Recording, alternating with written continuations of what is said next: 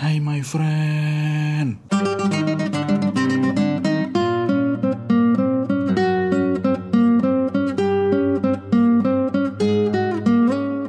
Oke, kembali lagi di The Voice of Panda. Skedus.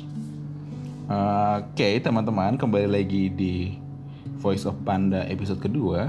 Nah, kali ini itu kita balik lagi ke segmen yang namanya itu kutimpa. Jadi buat teman-teman yang baru dengerin Voice of Panda, ada kita punya salah satu segmen yang namanya itu kutimpa. Nah ini merupakan kepanjangan dari Kuatim IPA. Nah nantinya di Kutimpa ini akan ada teman-teman kita yang nantinya itu cerita-cerita, baik itu cerita-cerita tentang kehidupannya, cerita tentang temennya, cerita tentang keresahannya, yang mana nanti itu mungkin bisa dijadikan apa ya referensi bagi teman kita yang memang sedang merasakan masalah tersebut. Dan perlu diketahui teman-teman untuk uh, teman kita yang berbicara kali ini itu sebelumnya sudah kita konfirmasi terlebih dahulu apakah dia bersedia untuk diekspos namanya atau tidak. Tapi di episode kali ini itu yang bersangkutan mau untuk bercerita diekspos namanya tapi nanti kita dengar aja gimana cerita ceritanya nah di episode kedua kali ini ini episode kedua kutimpa itu kita akan bercerita sedikit tentang yang namanya hmm, apa ya setiap orang kan punya rasa kecemasan. Nah uh, teman ngobrol gua kali ini itu mempunyai masalah di kecemasan tersebut. Jadi singkatnya dia ini mempunyai apa ya? ketakutan atau kecemasan yang berlebih ketika dia sedang menghadapi sesuatu. Oke, tanpa basa-basi ini kita langsung aja ngajak teman kita, teman ngobrol gue yang akan menemani gue pada hari ini. Langsung aja kita panggil, ini dia Retno. Silakan Retno masuk. Halo Bang. Halo Retno, apa kabar? Alhamdulillah baik. Alhamdulillah Abang gimana baik. kabarnya? Baik-baik juga no. Abang di sini baik-baik aja. Oke, jadi uh, gini gini gini. Kira-kira Retno di sini kan tadi di awal gue udah bilang kalau misalkan kita di sini tuh mau cerita-cerita ya no ya. Iya. Nah, Retno ini di sini bawa cerita apa nih, No? Untuk dibagikan kepada teman-teman kita. Mungkin bisa langsung aja Retno ceritakan. Tapi sebelum itu, tapi sebelum itu kita kenalan dulu, No. Boleh dikenalin dulu Retno ini siapa sih sebenarnya? Oke. Eh, kenalin nama gue Retno Dwi. Eh, asalnya jauh di sana, Jauh di mana? jauh dari Bogor. Oh, jauh dari Bogor. jauh dari Bogor. Oke dah. Oke langsung aja no. Boleh di apa ya? Dikasih tahu ke kita kita kira-kira Retno mau cerita apa hari ini? Jadi hari ini gue mau bagi pengalaman tentang eh, gangguan kecemasan yang gue alamin sejak semester 3 di bangku kuliah. Dan di saat itu gue mungkin merasa tertekan karena baik karena harapan orang lain, perkataan orang lain, maupun rasa bersalah yang gue rasain selama gue kuliah. Jadi gue seseorang yang salah jurusan dan pemegang NIM 01 di mana orang-orang banyak yang berharap kalau NIM 01 berpikir kalau NIM 01 adalah orang terpintar dengan nilai tertinggi makanya dia dengan titel NIM 01 Hmm, tetapi sampai sekarang tuh juga kan kita nggak tahu tuh ya bang uh, NIM 01 Iya. itu dapat dari mana asalnya dari mana kita belum iya tahu betul. Ya kira-kira yang Retno alami ini gangguan kecemasan gitu dong. iya Nah, kan gangguan kecemasan nih ada banyak ya ya. Bisa aja kan kayak cemas. Apa ya? Oh gue takut nih orang tua gue kenapa-napa di rumah. Nah kalau Retno sendiri kira-kira gangguan kecemasan kayak gimana tuh no yang Retno alami? Dan sampai gimana yang Retno dapatkan gangguan kecemasan ini? Jadi sebelum gue didiagnosis terkena anxiety disorder gue tuh udah kena depresi hmm, depresi kayak di gimana tuh situ Nok? jadi gue waktu itu selama dua se- dua minggu sampai sebulan itu gue terkena kayak insomnia. Jadi gue susah tidur gitu. Terus gue gue tuh dikenal sebagai orang yang ceria. Tapi setelah gue terkena depresi gue jadi kadang ansos. Dan gue jadi sering sendirian. Kayak di depan orang-orang gue bisa nunjukin gue bahagia gue bisa ketawa-tawa. Tapi giliran gue udah pulang ke rumah gue bisa nangis-nangis gitu. Dan semua itu berasal dari pikiran gue yang terlalu negatif thinking tentang gue pengen perfeksionis gue pengen semua semua hal gue harus bisa. Semua orang naruh harapan untuk naruh harapan ke gue di mana mereka nyangkanya gue oh lo nim nom satu pasti lo pintar. Lo harus lebih hebat dari dia dan dari teman-teman gue wah lo nim 01 nanti ajarin gue ya. Nanti nanti lo contohin gue ya gitu-gitu. Dan dari uh, dan saat harapan itu nggak bisa gue wujudin gue merasa down banget di situ. Gue kayak gue tuh langsung tadinya sebuah harapan itu gue jadiin sebuah motivasi. Tapi karena gue terlalu nge-push diri gue sehingga gue jadi drop dan gue ngedown parah. Dan akibatnya gue uh, terkena depresi itu. Ah, itu itu semua waktu SMA lu merasakan itu juga nggak? Apa lu baru ngerasain tuh pas ya masuk semester 3 ini? Atau dari pas semester satu juga? Atau gimana no? jadi gue baru merasakan hal ini baru selama gue kuliah sih bang. Soalnya waktu SMA SMP SD itu gue hidupnya lancar mulus aja. Kayak kayak hidup gue tuh nggak ada masalah gitu. Tiba-tiba Hmm, iya, waktu iya, iya, iya. Gue merasa salah jurusan. Gue dari awal dari semester 1 emang ngerasa itu gue bukan bukan jurusan gue yang gue mau. Ini bukan gue banget gitu. Tapi tadinya semua harapan itu gue jadiin motivasi untuk bertahan. Tapi ternyata jurusan itu. gue malah Mm-mm. tapi gue malah putus asa sendiri karena terlalu pingin perfeksionis itu Iya, iya seorang seorang Retno yang SMA-nya itu bagus, yang aman-aman aja, tapi di kuliah ya orang-orang mikirnya lu bisa, mikirnya sama aja kayak lo di SMA, kayak gitu paling no ya. iya mungkin. Nah, kan tadi Retno udah cerita nih eh, apa yang mendasari Retno untuk bisa memikirkan hal-hal tersebut karena adanya tekanan dari orang-orang, karena adanya apa ya ekspektasi dari orang-orang yang itu menyebabkan Retno sendiri sampai mikirin itu.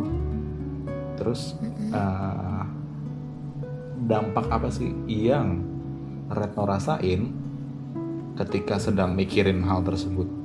Sampai ke titik apa Retno memikirkannya? Mungkin boleh diceritain sama Retno jadi eh, untuk masalah pikiran. Jadi pernah juga karena nilai ujian. Dan itu ya hasilnya nggak sempurna. Terus ada teman yang nyeletuk walau itu bercanda tapi nggak tahu kenapa itu buat aku kepikiran kayak selalu tim satu aja nilainya segitu gitu. Dan di situ ternyata kayak masuk ke alam bawah sadar buat aku mikirin terus sampai aku susah tidur insomnia terus sampai mimpi buruk dan rasa bersalah untuk orang tua kayak orang tua udah ngebiayain gue untuk kuliah kok gue malah nggak sempurna sih hasilnya gitu. Gitu.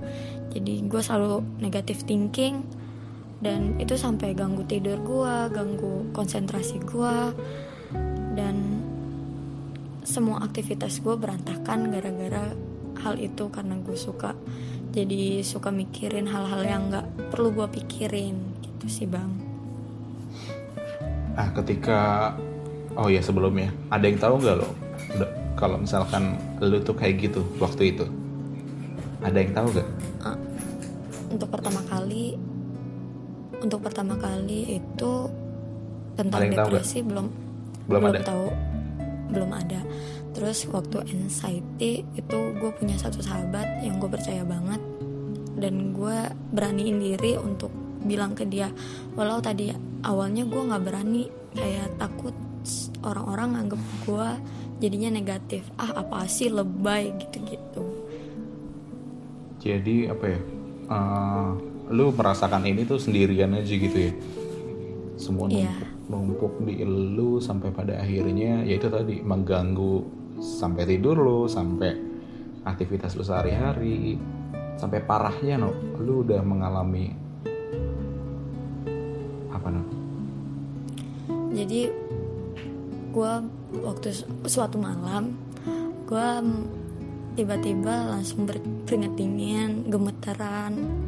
Terus kepalanya sakit banget perut sakit terus jantung itu berdebar-debar kayak habis lari-lari. Itu gue kira gue udah mau mati gitu ya bang. Soalnya itu udah ngeri banget sesak napas juga.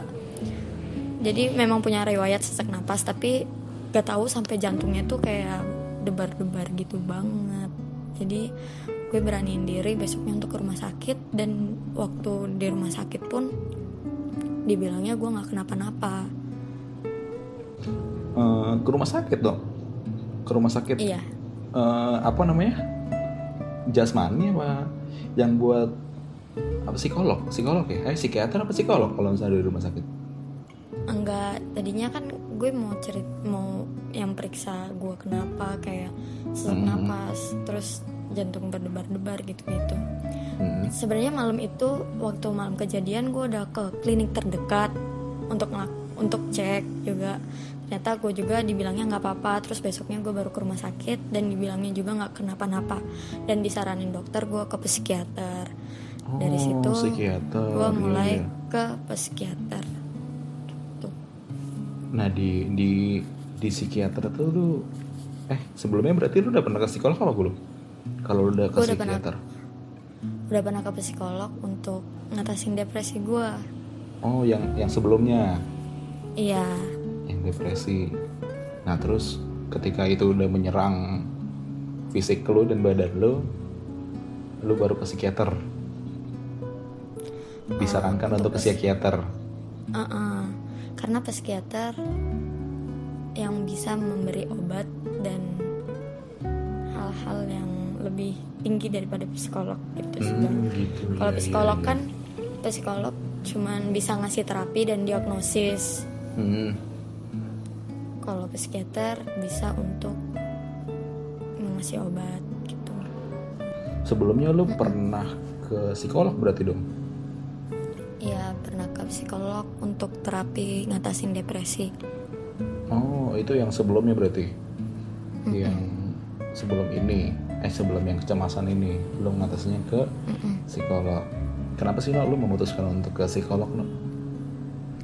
Jadi jujur gue selama yang gue mau curhat gue bingung bang mau ke mana gue bingung mau cerita ke siapa gue takut gue tuh udah kayak negative thinking orang-orang nanti ngeremehin gue kayak nganggap itu sebuah kelebayan itu sebuah lebay atau gue kurang iman begitu Hmm, iya iya iya.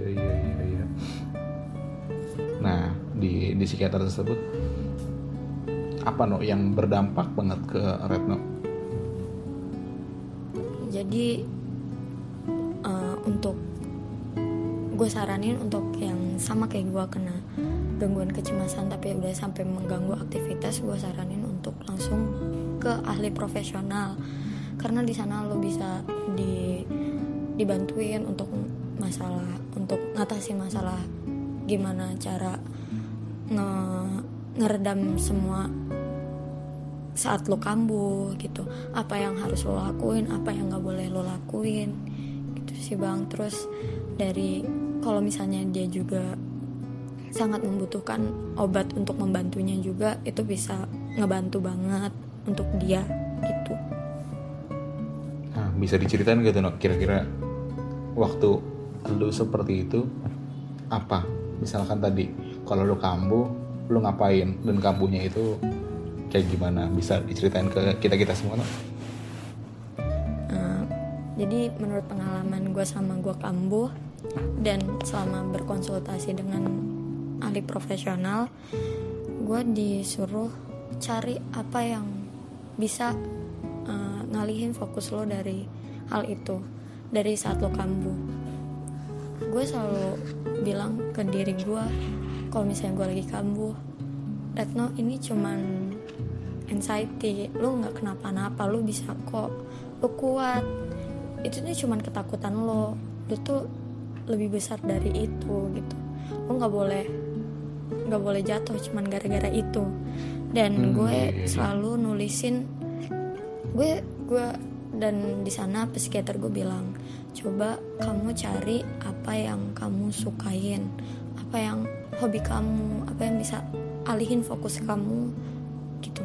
Terus gue akhirnya nemuin kalau misalnya gue apa-apa suka nulis. Di situ Hmm, gue nulis, nulisin nulis, iya. semua kelebihan gue semua kelebihan gue dan hal yang patut gue syukurin selama gue hidup. Dan di situ gue harus dan di situ bisa buat gue bangkit lagi dan percaya kalau gue memang mampu dan semua kekurangan gue itu bisa ketutup sama kelebihan gue Jadi ketika Retno lagi kena apa ya serangan itu, Retno alihin dengan yang Retno sukai, yaitu nulis tadi no ya. ya yang gue ngeyakinin diri gue kalau gue bisa dan ini cuma anxiety dan gue nulis gitu sih. Oke. Nah, menulis bisa tuh ya. Jadi salah satu apa ya cara untuk kita mengekspresikan diri kita supaya energi-energi negatif itu hilang dengan sendirinya. Ya nggak sih, Nak? iya benar banget Oke. Eh, selanjutnya gue mau nanya-nanya lagi. Hmm, kan tadi itu baru ada satu orang temen ya, Nok ya. Nah, orang tua udah tahu gak sih, Nok? Kalau misalnya lebih gini pada saat itu ya. jadi jadi untuk orang tua orang tua gue baru tahu di saat gue udah ngejalanin pengobatan sekitar tiga bulan Tiga dan bulan. selama Hmm. tiga bulan Iya, dan selama tiga bulan itu gue cuma bilang ke kakak gue Ke kakak lu doang. Kenapa tuh, Nok? karena gue merasa bersalah kak. Kalau misalnya gue harus bilang orang tua gue gue takutnya mereka ngerasa eh, terpukul apa yang sama sama masalah gue ini gitu. Takut membebani gitu ya, jadi Nok, ya? selama Mm-mm, selama pengobatan tiga bulan sebelumnya gue sama kakak gue untuk nge-backup biayanya gitu. Tapi kalau menurut lu baiknya orang tua mesti tahu gak sih hal-hal yang kayak begini yang terjadi pada anaknya gitu? Kalau Oh, perlu sepengalaman lu? perlu perlu banget bang selama gue kena sama orang tua gue belum tahu prosesnya itu emang lambat banget untuk penyembuhan Hmm. setelah orang gua, tua gue tahu kemajuan untuk gue bangkit itu lebih besar Faktor-faktor yang bikin lu bangkit itu apa no? Kasih sayang orang tua kali ya? ya uh, faktor yang buat gue bangkit itu yang pertama sih orang tua. Orang tua gue yang selalu support gue orang tua nggak pernah nuntut gue untuk jadi apa harus IPK berapa harus gimana. Orang tua gue cuma pingin gue bahagia sama sehat. Itu sih bang Iya, orang tua malah mikirnya tuh, yaudah nggak usah dipikirin gitu-gitu, tenang aja. Orang tua mah nggak minta apa-apa dari kalian gitu ya, intinya. Emang kadang apa ya orang tua tuh eh, bisa menguatkan kita di saat kita lagi jatuh-jatuhnya, di saat kita lagi capek-capeknya. bahkan Nino gue punya cerita waktu itu gue pernah banget gue ngurus sakit barang apa gitu terus gue cerita nih ke orang tua gue ya orang tua gue bukannya marah malah ya udah emang begitu ya malah nenangin gue. Jadi peran orang tua penting juga sih menurut gue. Ya pertama kali orang tua gue gue kasih tahu Mm-mm. orang tua gue yang malah ngerasa terpukul. Mereka langsung bilang Retno pulang sekarang. J- eh, ibu tunggu di rumah ya gitu. Jadi gue langsung sore itu langsung ber- dari IPB gue langsung pulang ke kampung halaman gue dan gue gue libur seminggu. Semalah senang lo tapi ya itu ada baiknya juga ya. Balik ke pelukan orang tua. Jadi salah Iya. satunya mungkin itu yang bisa Retno sarankan. Terus no em, orang-orang orang-orang sekitar orang-orang sekitar itu anggap Retno setelah maupun sebelum itu ada perbedaannya gak sih sebelum dulu Iya, deh. sebelum orang-orang tahu kayak gimana dan sesudah orang-orang tahu kayak gimana. Jadi sebelum orang-orang tahu kan gue tadinya orangnya ceria ya bang. Mm-mm. gue orang ceria. Terus tiba-tiba pas gue punya penyakit itu gue jadi murung gue sendirian terus gitu-gitu. Dan orang-orang itu pasti kayak nanya lo kenapa sih terus nganggapnya gue penyakitan karena gue sering nggak kelas karena gue ngerasa nggak enak badan gitu. Karena yang tadi panic attack gue kumat gitu. Iya iya iya. Padahal Terus bukan tanggapan- penyakit badan gitu ya no iya. Terus terus no terus gue cuman berani bilang ke orang-orang yang benar-benar deket sama gue dan itu Lu percaya? misalnya pim ya pimpinan organisasi juga bisa atau orang-orang yang memang lagi ngamanahin gue pasti gue bilang tentang keadaan gue saat itu untuk mereka ngertiin gue di saat itu Bang. Hmm. di saat gue nggak ada gitu setelah orang-orang tahu berarti orang-orang makin care kah sama lu atau makin apa ya kayak atau malah kayak ngeceng-cengin lu kayak kayak gimana no Eh, alhamdulillah selama ini tanggapannya semuanya positif sih bang. Kayak semua orang ngedukung gue untuk bangkit. Dan di situ gue ngerasa kalau gue tuh nggak sendirian. Dan banyak orang-orang yang memang peduli sama gue dan di situ gue udah jadi balik lagi ke diri gue yang lama mulai bisa ceria mulai bisa berbaur sama orang-orang lagi gitu sih Bang. dan ngelupain hal-hal yang nggak boleh gue pikirin sebenarnya gitu. No ini pertanyaan penting nih no masih sering Apa kambuh tuh? nggak sih no kambuh. Sekarang? Eh, untuk intensitasnya sih udah jarang sih bang itu tapi masih pernah. Tapi Retno berhasil melewati fase-fase yang sangat sulit waktu itu ya? Iya gitulah. Alhamdulillah mantap banget nih langsung berkita pada hari ini. Oke no Eh, kan tadi Retno udah cerita cerita nih pengalaman Retno bagaimana ketika Retno mulai dari awal Retno tidak kenapa-napa dengan kehidupan Retno yang bisa dibilang fine fine aja sampai pada akhirnya Retno menemukan titik di mana itu turun banget nah, Retno juga ada bisa ceritain ke kita gimana caranya dia untuk naik lagi nah pesan dari Retno untuk teman-teman kita yang sedang merasakan hal yang buruk tersebut, hal yang apa istilahnya itu susah, kayak gimana no? itu aku saranin untuk ke ahli yang yang lebih ahli misal psikolog atau psikiater dan nikmatin apa pun yang sekarang lagi dirasain. Nerima setiap keadaan dan tidak lagi menyalahkan atau mengadili gambaran diri bersyukur selalu berpikir positif. Pokoknya kendaliin fokus kita untuk anugerah yang telah Tuhan berikan untuk kita semua. Ah iya, ya itu tadi dari Retno. Kira-kira buat teman-teman sekalian mungkin bisa di resapi dan apa ya dijadikan pelajaran jikalau kalian sedang merasakan hal yang sama. Terus buat Retno, pertanyaan terakhir itu pesan-pesan untuk pesan-pesan lagi untuk teman-teman kita yang tidak merasakan hal tersebut dan berada di dekat orang yang mungkin sedang merasakan hal tersebut itu kayak gimana no? Uh, pesan untuk orang-orang yang mungkin berada di sekitar orang yang mengalami mental, mental illness, itu aku saranin untuk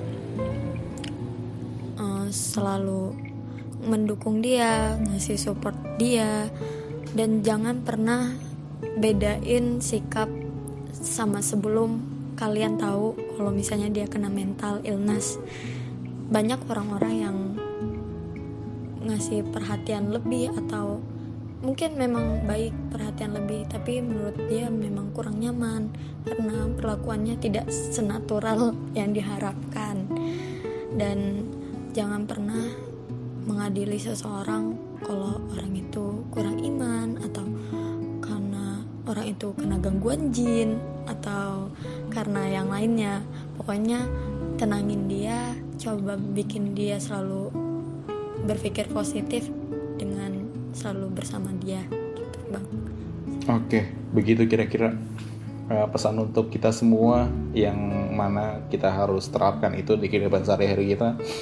Memang teman-teman kalau misalkan orang seperti itu atau orang yang sedang mengalami itu banyak faktornya dan kita tidak boleh menjudge sedikit pun kepada orang-orang yang sedang mengalami hal tersebut.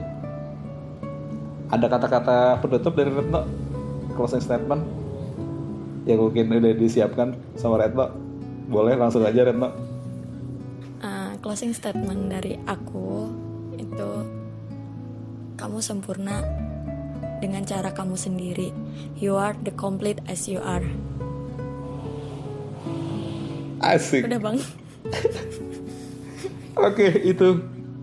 Oke itu dari uh, Retno dan dari teman kita dari FMIPA juga dan kita tutup dengan sebuah kalimat yang sudah saya siapkan juga. Bukan saya sih, teman saya. Terkadang dua bahu saja tidak cukup untuk menanggung beban hati.